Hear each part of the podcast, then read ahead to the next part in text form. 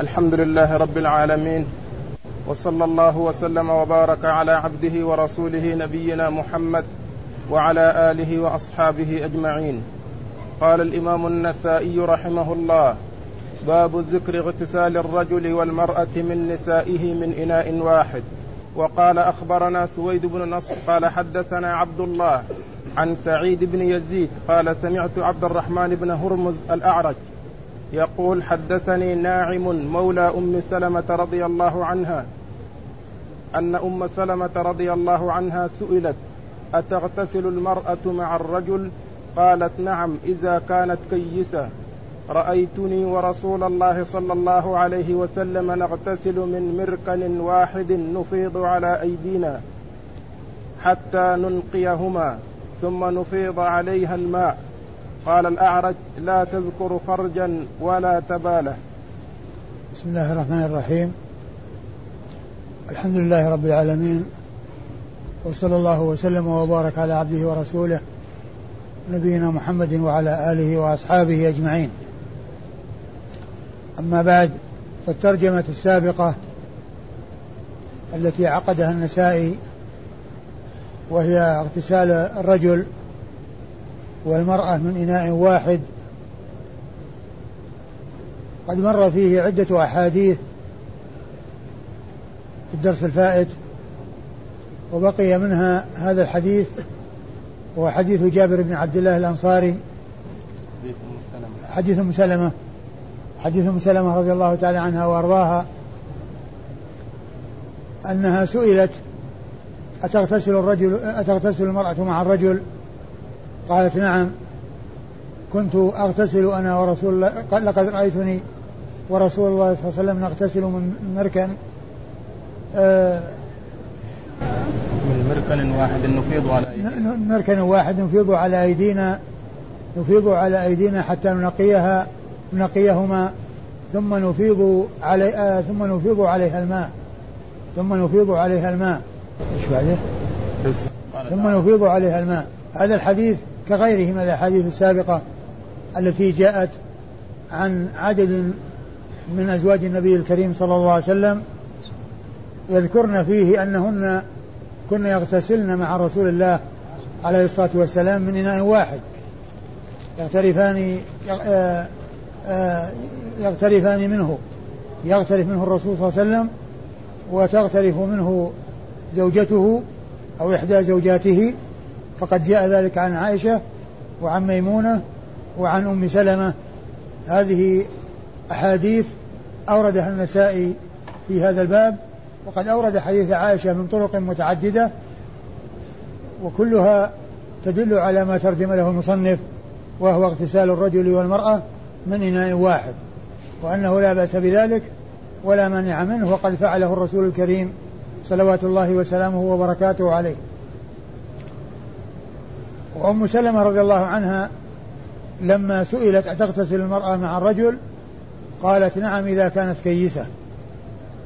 ثم فسر الأعرج وهو أحد رواة الحديث عبد الرحمن بن هرمز الأعرج آه، كونها كيسة بقوله إنها لا تذكر فرجا ولا تبالة يعني أنها لا تذكر فرجا وهذا لفظ مطلق يشمل فرجها ذكر فرجها وذكر وفرج رسول الله عليه الصلاة والسلام. ولا تباله يعني ولا تتباله يعني يظهر يظهر منها آه، يظهر منها ما ما لا ينبغي أن يظهر مما يعد من البلة. فهذا هو تفسير كيسة كما فسرها ذلك فسرها بذلك الأعرج. أحد رواة هذا الحديث والذي جاء في جاء إسناده في هذا الحديث. وإسناد الحديث يقولنا سيخبرنا سويد بن نصر. وسويد بن نصر هو المروزي وهو ثقة خرج له الترمذي والنسائي. وقد مر ذكره كثيرا.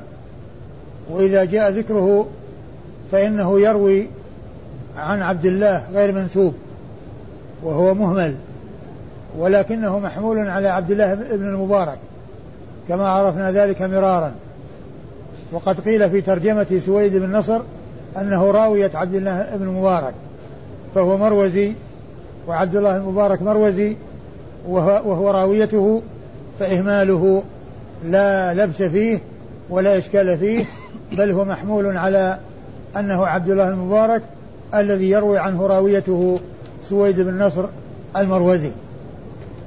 وعبد الله بن مبارك إمام آه، محدث حجة آه، فقيه جواد آه، مجاهد. قال ابن حجر بعد أن ذكر جملة من صفاته قال جمعت فيه خصال الخير. جمعت فيه خصال الخير. قال ذلك في التقريب. فهو إمام مشهور ومحدث فقيه ومجاهد وجواد آه، كريم رحمة الله عليه وحديثه عند أصحاب الكتب الستة. حديثه عند أصحاب الكتب الستة. قال عن سعيد بن يزيد. عن سعيد بن يزيد. وسعيد بن يزيد هذا ثقة عابد خرج حديثه أصحاب السنن الأربعة. أصحاب السنن الأربعة. مسلم والثلاثة. ولم يروي ولم يروي له البخاري ولا ابن نعم. خرج له مسلم وأبو آه، داود والترمذي والنسائي. ما خرج له الأول الذي هو البخاري ولا الأخير الذي هو ابن ماجه. ما خرج له أول أصحاب الكتب يعني آه الذي هو البخاري ولا آخرهم يعني في الترتيب الذي هو ابن ماجه. لأن آخرهم في الزمان والوفاة هو النسائي. إذ كانت وفاته سنة 303 وابن ماجه يعني فوق المائتين والسبعين. لكن هو من حيث الرتبة هو آخر أصحاب الكتب الذي آه، آه، كتابه آخر آخر الكتب الذي هو سنن ابن ماجه. فلم يخرج له البخاري ولا ابن ماجه. عن؟ الأعرج. عن الأعرج عبد الرحمن بن هرمز. عبد الرحمن بن هرمز هذا اسمه هو اسم أبيه والأعرج لقب له. والأعرج لقب له. وأحيانا يأتي ذكره مجموعا قد جمع بين اسمه ولقبه وأحيانا يذكر اسمه بدون اللقب وأحيانا اللقب بدون الاسم وأحيانا يجمع بينهما كما هنا كما في هذا الموضوع. عبد الرحمن بن هرمز الأعرج. في بعضها يأتي عبد الرحمن بن هرمز وفي بعضها يأتي عبد الرحمن وفي بعضها يأتي الأعرج وفي بعضها كما هنا يأتي منسوبا مسمى منسوبا وموصوفا بلقبه الذي هو عبد الرحمن بن هرمز الأعرج وهو ثقة حديثه عند أصحاب الكتب الستة. عن ناعم؟ نعم. عن ناعم مولى أم سلمة. ناعم مولى أم سلمة وهو ثقة فقيه خرج حديثه مسلم وأصحاب السنن الأربعة. عن؟ عن أم سلمة. عن أم سلمة أم المؤمنين رضي الله تعالى عنها وأرضاها وهي هند بنت أبي أمية وقد مر ذكرها كثيرا وحديثها عند أصحاب الكتب الستة. قال باب الذكر النهي عن الاغتسال بفضل الجنب. وقال أخبرنا قتيبة قال حدثنا أبو عوانة عن داود الأودي عن حميد بن عبد الرحمن قال لقيت رجلا صحب النبي صلى الله عليه وسلم كما صحبه أبو هريرة رضي الله عنه أربع سنين. قال نهى رسول الله صلى الله عليه وسلم أن يمتشط أحدنا كل يوم أو يبول في مغتسله أو يغتسل الرجل بفضل المرأة والمرأة بفضل الرجل وليغترفا جميعا. ثم ذكر النسائي هذه الترجمة وهي النهي عن الاغتسال بفضل الجنب عن الاغتسال بفضل الجنب. قيل إن المراد بفضل الجنب هو ما يتساقط من أعضائه وقيل إنه ما يبقى في الإناء بعد اغتساله منه. وهذا هو هو الأوضح من حيث آه، آه، ما يشعر به لفظ الحديث. من حيث ذكر الفضل ومن حيث ذكر الاغتراف في آخره. لأن قوله بفضل آه، ذكر الاغتسال بفضل الرجل الرجل بفضل المرأة والمرأة بفضل الرجل يعني معناه الذي يبقى لأن الفضل هو البقية وليس المتساقط الذي يتساقط. وكذلك أيضا قوله وليغترفا جميعا يعني معناه أن أن, أن أنهما يغتسلان معا. ولا يغتسل هذا بما آه، يبقى يبقيه هذا أو هذا بما يبقيه هذا. فالاغتسال بفضل الجنب المراد به الذي يبقى في الإناء بعد اغتساله منه هذا هو فضله أي بقيته التي تبقى بعد استعماله اغتساله منه. وقد أورد فيه النسائي حديث من؟ يقول حميد يروي عن رجل صاحب نعم. عن رجل من أصحاب رسول الله عليه الصلاة والسلام. عن رجل صاحب النبي صلى الله عليه وسلم كما صاحبه أبو هريرة أربع سنين. يعني أنه صاحب الرسول صلى الله عليه وسلم أربع سنوات. كما كان أبو هريرة صاحبه أربع سنوات. لأن أبا هريرة إنما أسلم في السنة السابعة عام خيبر. والرسول صلى الله عليه وسلم توفي في أول السنة الحادية عشرة. فيكون مدة صحبته آه، أربع سنوات. وهذا الرجل المبهم الذي آه، أبهمه الراوي قال عن رجل صاحب النبي صلى الله عليه وسلم كما صاحبه أبو هريرة أربع سنوات. والقاعدة المعروفة عند العلماء أن المجهول في الصحابة في حكم المعلوم لا تؤثر جهالته ولا تضر جهالته لأنهم كلهم عدول بتعديل الله عز وجل لهم وتعديل رسوله صلى الله عليه وسلم. فلا يؤثر كون الصحابي مجهولا لأن الجهالة لا تؤثر وإنما تؤثر في من دونهم. كما جاء كما ذكر الخطيب البغدادي في كتابه الكفاية قال أن العلماء على أن كل راو دون الصحابي لا بد من معرفة حاله من الثقة والعدالة والضعف. إلا الصحابة فإنهم لا يحتاجون إلى معرفة أحوالهم لأن لأنهم يكفيهم ما حصل لهم من تعديل الله عز وجل وتعديل رسوله صلى الله عليه وسلم وثناء الله عز وجل وثناء رسوله عليهم وثناء رسوله صلى الله عليه وسلم عليهم رضي الله تعالى عنهم وارضاهم فيكفي في الرجل أن يذكر بأنه صاحب الرسول صلى الله عليه وسلم وإن لم يعرف شخصه وإن لم تعرف عينه وإنما آه، يكفي أن ينسب إلى صحبة الرسول عليه الصلاة والسلام وأن يقال فيه إنه صاحب الرسول عليه الصلاة والسلام. فهذا شرف عظيم وفضل عظيم حصل لهم ما شاركهم فيه أحد ولا آه، ظفر به أحد سواهم رضي الله تعالى عنهم وأرضاهم. هذا الصحابي الذي أو هذا الرجل الذي صاحب النبي عليه الصلاة والسلام روى هذا الحديث المشتمل على ثلاث جمل وهي النهي عن الامتشاط كل يوم. يعني آه كون الإنسان آه آه يسرح شعره ويجمل آه ويجمله في كل يوم يعني أنه لا يكثر من ذلك وإنما يستعمله يوما بعد يوم ولا أو أكثر من ذلك لكنه لا يستعمل يعني آآ آآ ذلك بصفة دائمة. والمقصود من ذلك التنزيه والابتعاد عن الترفه وأن يكون على هذا الوصف. ومن المعلوم أن الجمال مطلوب وقد جاء في الحديث الذي رواه مسلم في صحيحه إن الله جميل يحب الجمال. إن الله جميل يحب الجمال. فهو فالزينة مطلوبة لكن لا يشتغل بها ويفتتن بها وكون الإنسان لا يكون همه إلا التجمل وأن يكون هذا شغله فقد جاء النهي في ذلك وكذلك أيضا أن يغتسل الرجل في مستحمه. قد سبق أن مر حديث في هذا الموضوع وفي باب خاص وهو النهي عن الاغتسال في المستحم وفيه أن عامة الوسواس منه.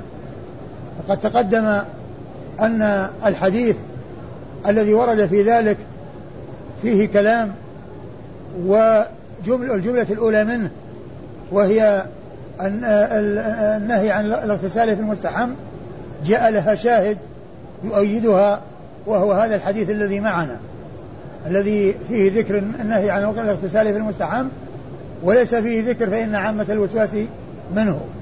فكانت الجملة الأولى من ذلك الحديث لها شاهد يقويها وهو هذا الحديث الذي معنا والجملة الثانية وهي فإن عامة الوساس منه ليس لها شاهد كما للجملة السابقة وشاهدها هذا الحديث فتكون تلك الجملة لم تثبت لأن الإسناد التي وردت فيه لا يعتمد عليه في حال الانفراد ولكن الجملة الأولى جاء هذا الحديث أو جاء هذا الإسناد جاءت بهذا الإسناد الذي معنا فهو عاضد لها وهو مؤيد لها.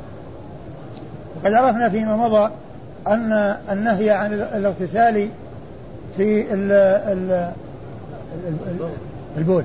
البول نعم. نعم النهي عن البول. البول في المستحم. البول في المستحم يعني مكان الاستحمام آه النهي عن البول في في المستحم وهو مكان الاستحمام.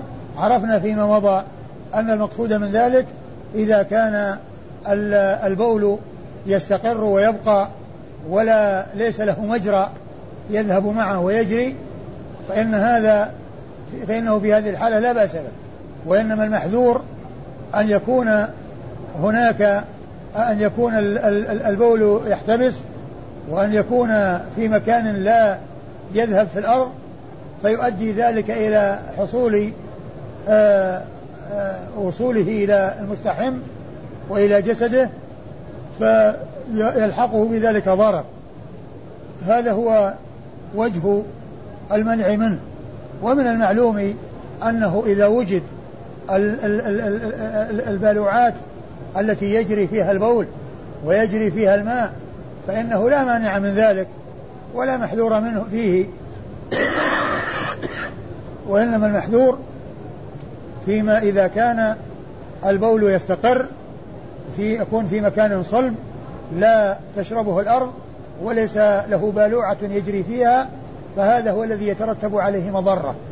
ويترتب عليه آآ آه، احتمال وصول النجاسة إلى المستحم في ذلك المكان الذي بال فيه.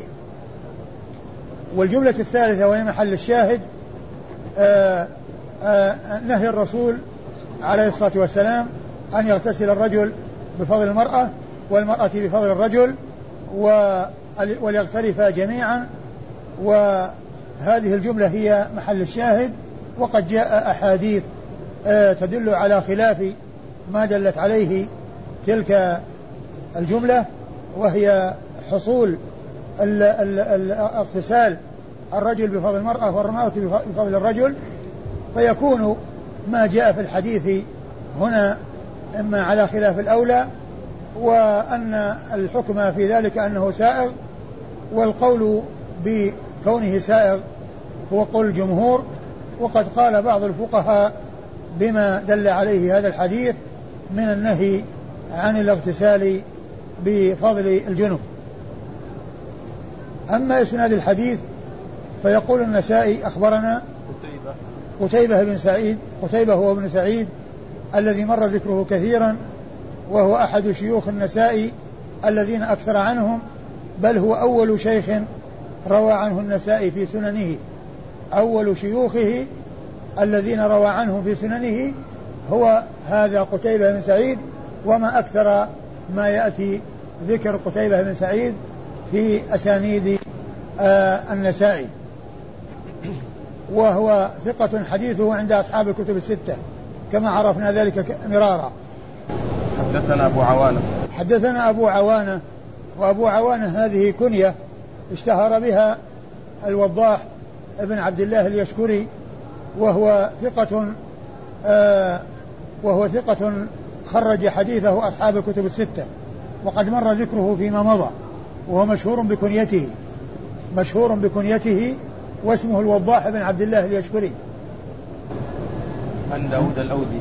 عن داود الأودي وداود بن عبد الله الأودي الكوفي وهو ثقة خرج حديثه أصحاب السنن الأربعة. رواه الجماعة. جماعة؟ الزعافري هذا؟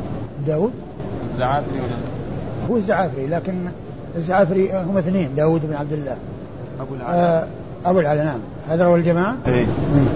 خرج حديثه الجماعة داود بن عبد الله الأودي الزعافري الكوفي خرج حديثه أبو العلاء خرج حديثه آه، أصحاب الكتب الستة وفي وفي شخص آخر نعم. غير هذا اسمه إيش؟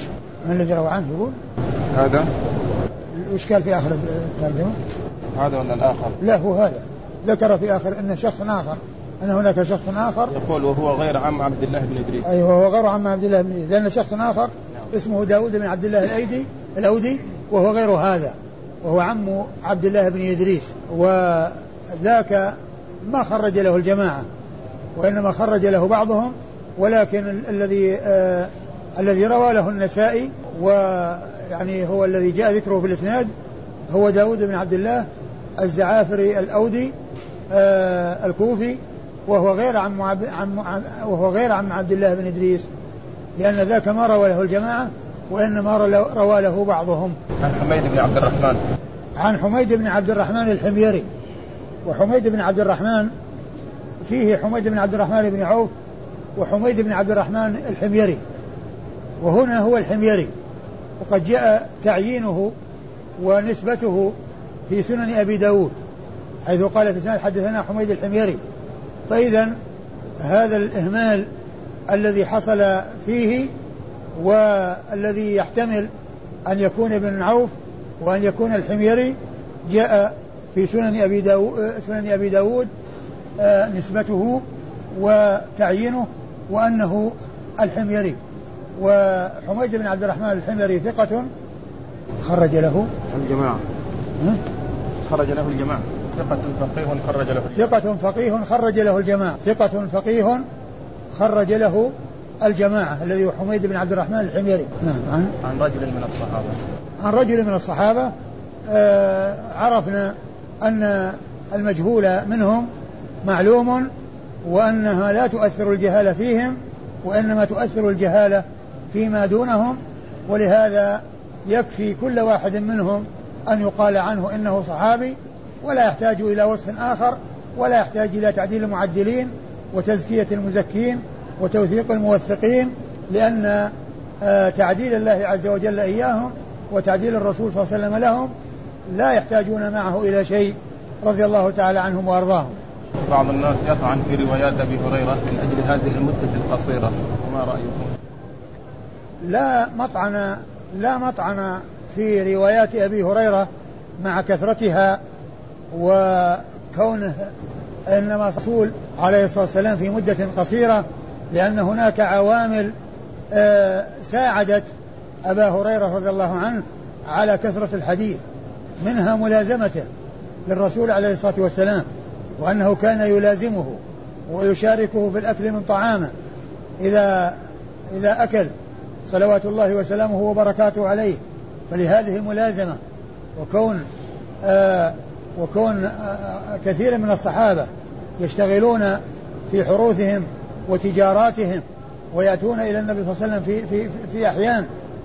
وأما هو فهو ملازم له وقد جاء ذلك عنه.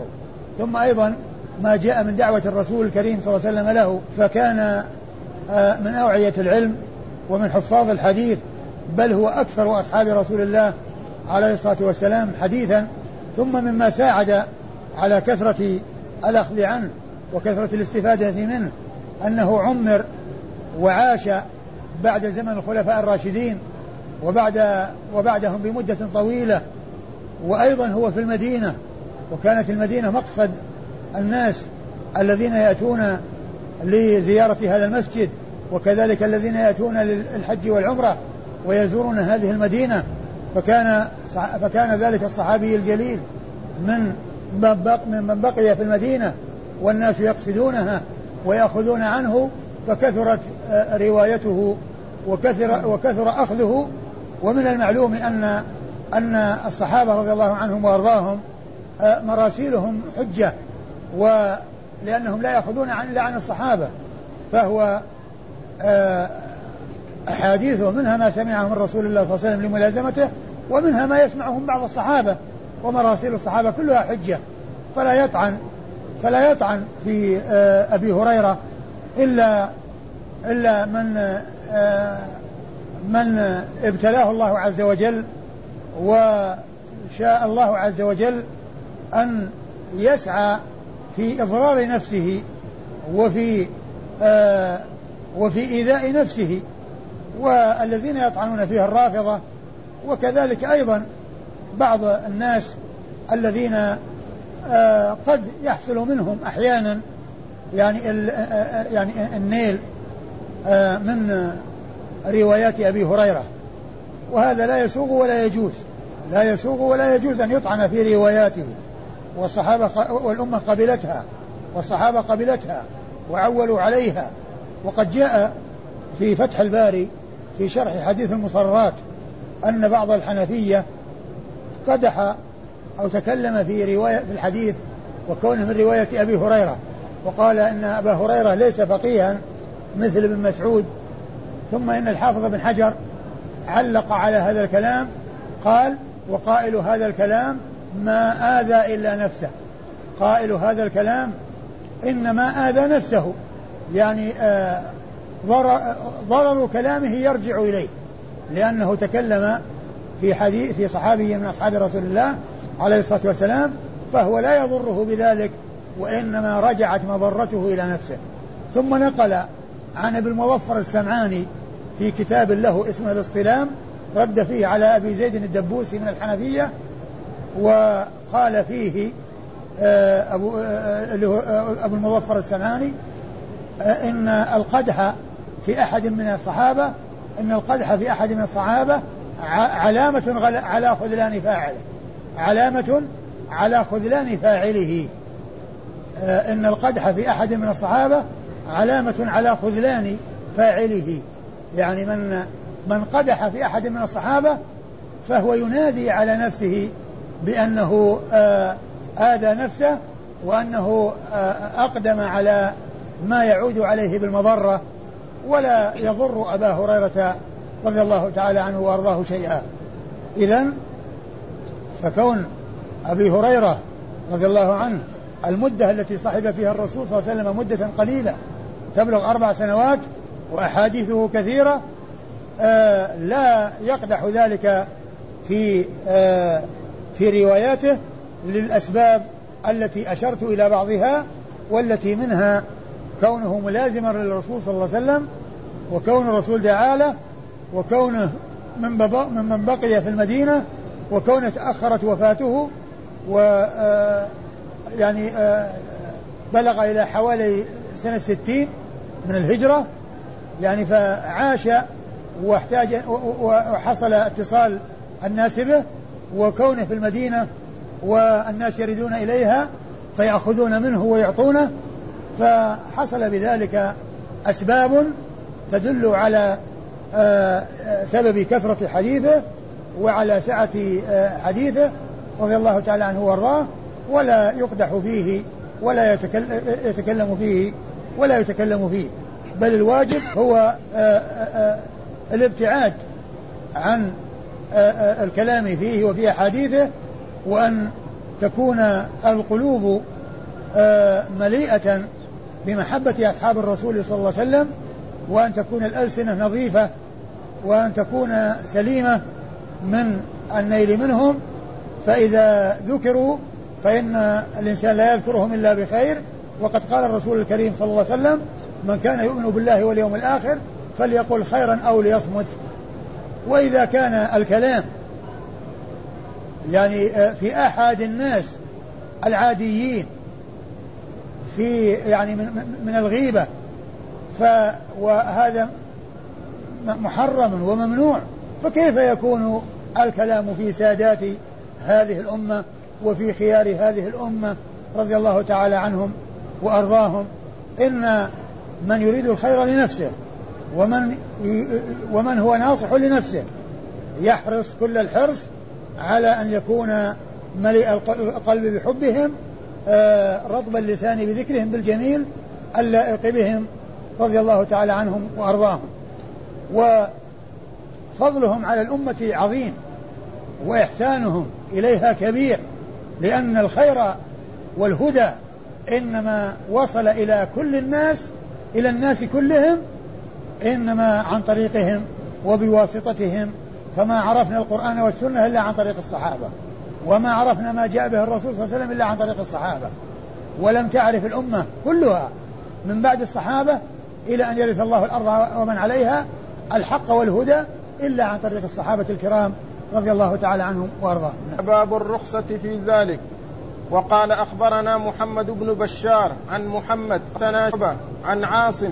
قال وأخبر سويد بن قال أخبرنا عبد الله عن عاصم عن معاذة عن عائشة رضي الله عنها أنها قالت كنت أغتسل أنا ورسول الله صلى الله عليه وسلم من إناء واحد يبادرني وأبادره حتى يقول دعي لي وأنا وأقول أنا دع لي قال سويد يبادرني وأبادره فأقول دع لي دع لي. ثم ذكر ترجمة بعد الترجمة السابقة وهي الرخصة في ذلك يعني كونه يغتسل بفضل بفضل يغتسل أحد الرجل أحد الاثنين الرجل والمرأة بفضل الآخر ذكر النسائي هذه الترجمة.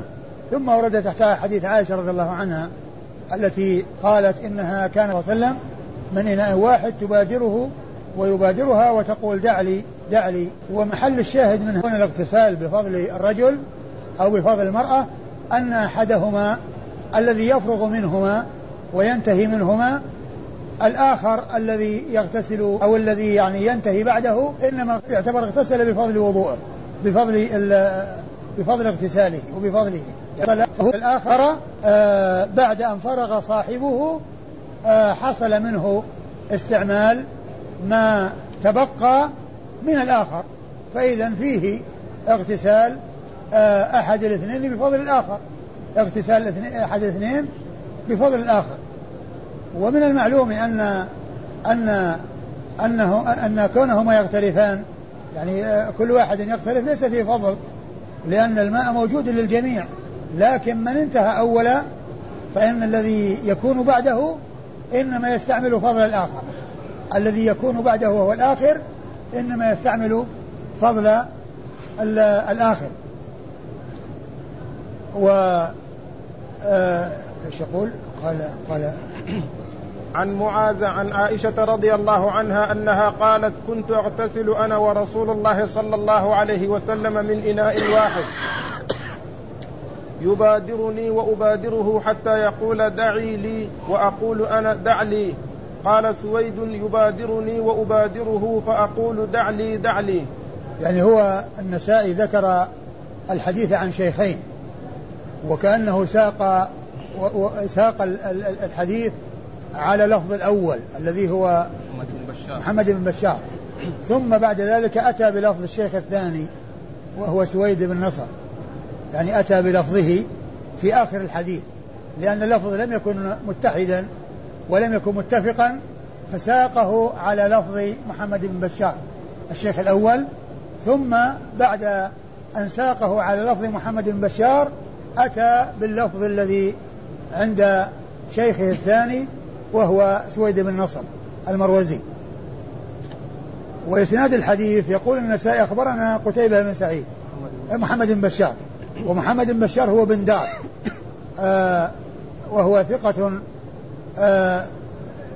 هو من شيوخ أصحاب الكتب الستة. حديثه عند أصحاب الكتب الستة بل هو من شيوخ أصحاب الكتب الستة. آه عن محمد وهو غير منسوب يروي عن شعبة وهو محمد بن جعفر غندر. وإذا جاء آه، محمد يروي عن عن شعبة غير منسوب فإنه محمد بن جعفر الملقب غندر. ومحمد بن جعفر غندر هذا ثقة حديثه عند أصحاب الكتب الستة. وشعبة أمير أمير المؤمنين في الحديث وحديثه عند أصحاب الكتب الستة. عن عاصم. وهو بن سليمان الأحول. عاصم ابن سليمان الأحول وهو ثقة حديثه عند أصحاب الكتب الستة. ثم حول الإسناد. ثم حول الإسناد إلى سويد بن نصر المروزي الذي مر ذكره قريبا وهو من آه، ثقة حديثه عند الترمذي والنسائي. عن عبد الله غير منسوب وهو ابن المبارك. وحديثه عند أصحاب الكتب الستة كما مر آه، يعني آنفا ثم عن عاصم عن عاصم وهو ابن سليمان الأحول الذي في الإيش؟ في الإسناد الأول، إيش الإسناد الأول؟ أخبرنا محمد بن بشار عن محمد قال حدثنا شعبة عن عاصم. نعم الإسناد الأول أنزل أنزل من الثاني لأن الإسناد الأول فيه ثلاثة بين النساء وبين عاصم وأما الإسناد الثاني فيه اثنان بين النساء وبين عاصم الأحول لأن الأول محمد بن بشار وغندر وشعبة يرو ثم شعبة يروي عن عاصم الأحول. والإسناد الثاني سويد بن نصر عن عبد الله بن المبارك وعبد الله بن المبارك عن آه عاصم الأحول. فصار الإسناد الثاني آه آه أقل عددا من الإسناد الأول. والإسناد الأول يعتبر أنزل لزيادة رجل فيه زيادة رجل فيه. عن عن معاذة عن معاذة العدوية. معاذة العدوية هذه آه تابعية أكثرت من الرواية عن عائشة. روت عن عائشة كثيرا وهي ثقة حديثها عند أصحاب الكتب الستة. وهي التي جاء في الحديث أنها سألت عائشة رضي الله عنها قالت ما بال الحائض تقضي الصوم ولا تقضي الصلاة؟ فقالت لها أحرورية أنت؟ قالت لا ولكني أسأل. قالت كنا نؤمر بقضاء الصوم ولا نؤمر بقضاء الصلاة. هي التي سألت عائشة هذا السؤال وأجابتها بذلك الجواب فهي آه تروي كثيرا عن عائشة وهي ثقة حديثها عند أصحاب الكتب الستة. تروي عن عائشة أم المؤمنين الصديقة بنت الصديق المبرأة مما رميت به بآيات تتلى من كتاب الله عز وجل وهي أكثر الصحابيات رواية للحديث عن رسول الله صلى الله عليه وسلم وقد مر ذكرها كثيرا. قال باب ذكر الاغتسال في القصعة التي يعجن فيها. وقال أخبرنا محمد بن بشار قال حدثنا عبد الرحمن قال حدثنا إبراهيم بن نافع عن ابن أبي نجيح عن مجاهد عن أم هانئ رضي الله عنها أنها قالت إن رسول الله صلى الله عليه وسلم اغتسل هو وميمونة من إناء واحد في قصعة فيها أثر العجين. ثم ورد النسائي الاغتسال بالإناء الذي فيه أثر العجين. الاغتسال بالاناء القصعة التي فيها الاغتسال في القصعة التي فيها أثر العجين. آه، أورد النسائي حديث ام هاني بنت أبي طالب رضي الله تعالى عنها وأرضاها وقد مر ذكرها قريبا في آه، في قصة الاستتار الاستتار عند الاغتسال وحديثها عند البخاري ومسلم وغيرهما يعني في آه، في عام الفتح وأنها جاءت إلى الرسول صلى الله عليه وسلم وهو يغتسل فسألته أو سأل فقال من هذه؟ قالت أم هاني فقال مرحبا بأم هاني. ثم ذكرت له يعني آه شيئا رجلا آه أجارته وأمنته وعلي رضي الله عنه وأرضاه يعني كان يريد أن يعني آه صلى الله عليه وسلم فقال قد أجرنا من أجرت يا أم هاني والحديث يعني في الصحيحين وقد مر أن لها أحاديث 46 46 حديثا منها حديث واحد اتفق عليه البخاري ومسلم وهو ذاك الحديث الذي مر في قصة مجيئها إليه عام الفتح وهو يغتسل. صلوات الله وسلامه وبركاته عليه. وهنا تروي أن الرسول صلى الله عليه وسلم هو ميمونة كانوا يغتسلون من إناء من قصعة فيها أثر العجين. يعني أن الماء الذي الوعاء الذي فيه الماء الذي يغتسلان منه أي رسول الله صلى الله عليه وسلم وميمونة رضي الله عنها كان فيه أثر العجين. آه يعني قد علق به قد علق به العجين وفيه ماء وعليه الأثر يعني أثر العجين. ففي آه ففي هذا دليل على أن مثل ذلك سائغ وأن كونه يتوضأ في الذي يؤكل فيه أو الذي يعجن فيه أو الذي يشرب منه. عند الحاجة لا بأس بذلك. لا يقال أن ما كان يستعمل للشرب لا يجوز استعماله في أمور أخرى بل يمكن كما جاء في هذا الحديث لأن ال ال هذا الذي كان يستعمل للعجن الذي هو قصعة فيها أثر العجين كان الرسول صلى الله عليه وسلم وزوجه أم المؤمنين ميمونة يغتسلان من ذلك الإناء فهو دال على على جواز ذلك وأنه لا مانع منه وقد فعله الرسول الكريم صلوات الله وسلامه وبركاته عليه. وإسناد الحديث؟ أخبرنا محمد بن بشار. أخبرنا محمد بن بشار قد تقدم في الإسناد الذي قبل هذا. عن حدثنا عبد الرحمن. حدثنا عبد الرحمن وهو مهدي. الثقة الإمام المحدث الذي مر ذكره كثيرا وحديثه عند أصحاب الكتب الستة. حدثنا إبراهيم بن نافع. حدثنا إبراهيم بن نافع. ثقة من خرج حديثه؟ جماعة جماعة. خرج حديثه أصحاب الكتب الستة. خرج حديثه أصحاب الكتب الستة. عن عن ابن أبي نجيح. عن ابن أبي نجيح وهو عبد الله. عبد الله بن أبي نجيح. وقد مر ذكره من خرج له الجماعة. نعم. الجماعة. نعم. وقد خرج له الجماعة. عبد الله بن أبي نجيح خرج له أصحاب الكتب الستة. عن مجاهد. عن مجاهد بن جبر المحدث المفسر المشهور. وحديثه عند الثقة وحديثه عند أصحاب الكتب الستة وقد مر ذكره فيما مضى. يروي عن أم هاني وأم هانئ مر ذكرها وحديثها عند أصحاب الكتب الستة.